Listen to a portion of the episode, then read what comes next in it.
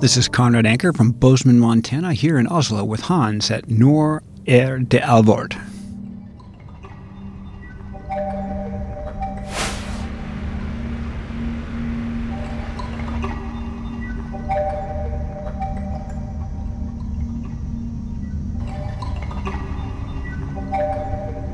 So we choose to go out and shiver away on the mountain with exposure. We choose to run a 30 kilometer run in the rain and things like that. But there's no one saying you have to go do that. But when you understand pain and suffering, you have understanding and empathy for people that are in that situation, not by their own choosing, but by circumstances.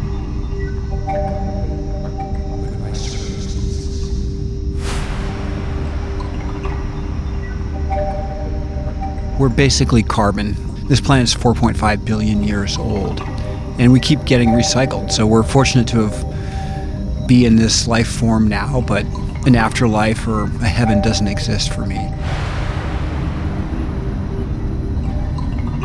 Miss an intersection, you almost die, or you're an avalanche, and you see your life flash before your eyes, and, and so it's like, ah, I'm not gonna let go, and I've got it, and then you then you step away, and you're like, stronger, and it's like some movie narrative, but this time, he came in, or she came in, the recycler, the non entity, and said, It's time to move your carbon back into the earth. But I said no. Ah, I'm not gonna let go. Ah. I pushed my body beyond what it was should have done through mental strength, I guess people they often ask, "Do you know when you're going to have a heart attack?" And I said, "If you have one, you will know." If you have one, you will know.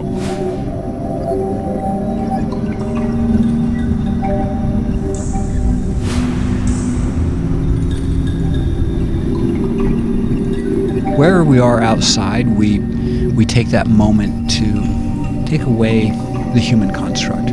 While we're here and walking around in Oslo, we see cement, steel, glass, plastic. It's a circular, rectilinear world. Everything is designed by humans. But when we go outdoors and we walk in the pine forests of northern Norway or ski in the birch forests or climb on a waterfall, nature is infinitely variable. There is no same thing again.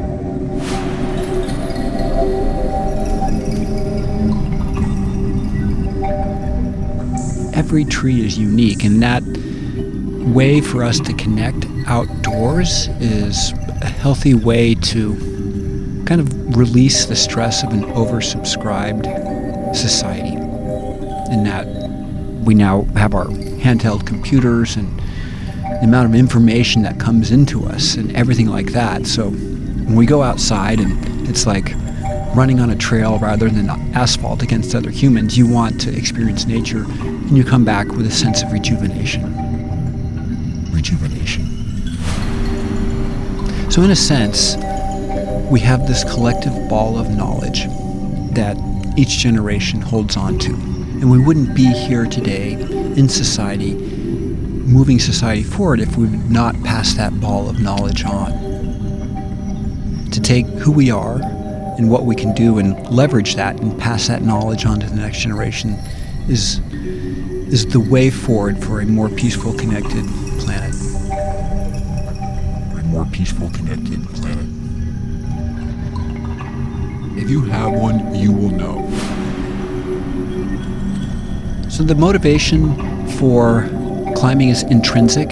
Certainly the the extrinsic reward of public recognition feeds the ego, and we get that. Um, to to say we're all very much our description of who we are and how other people see us is, is a prism that changes how we act with others.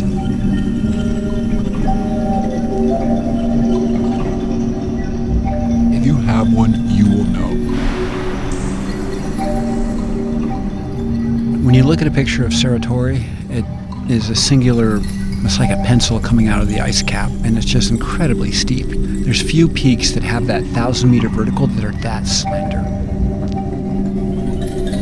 if you practice alpine climbing, you climb granite. If that's your passion, you have to go to feed that passion and find the most intense mountains.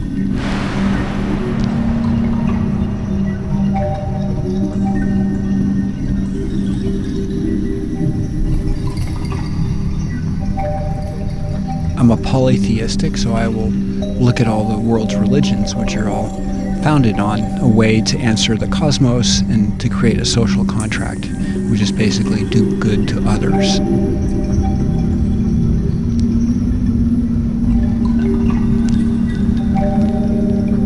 Climbing is in- in- intrinsic.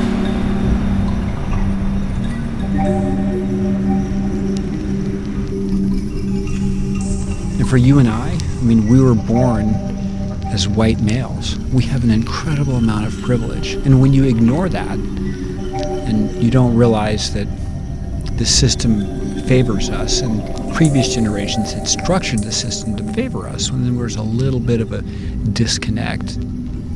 Having empathy and understanding for people that don't have as much as we have and then try to give away what we have and to to to give our voice and power to them is significant.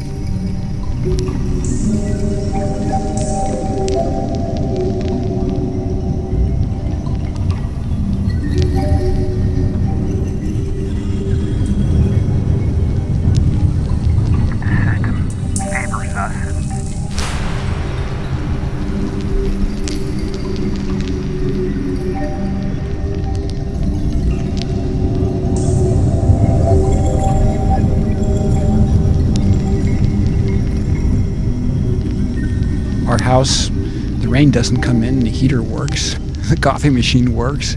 You know, what more could we want? But that value comes from having chosen hardship and suffering by our own volition.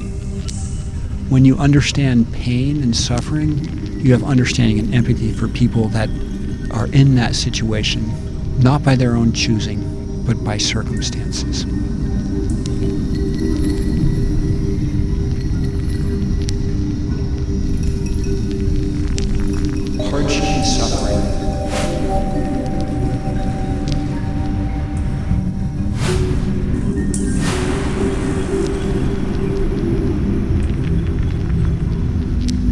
Perhaps I'm I'm an advocate for the holistic value we get from being outdoors. And if people want to put a clock and go faster, that's that's awesome.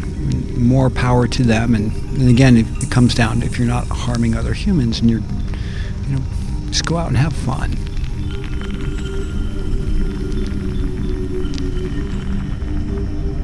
Just go out and have fun.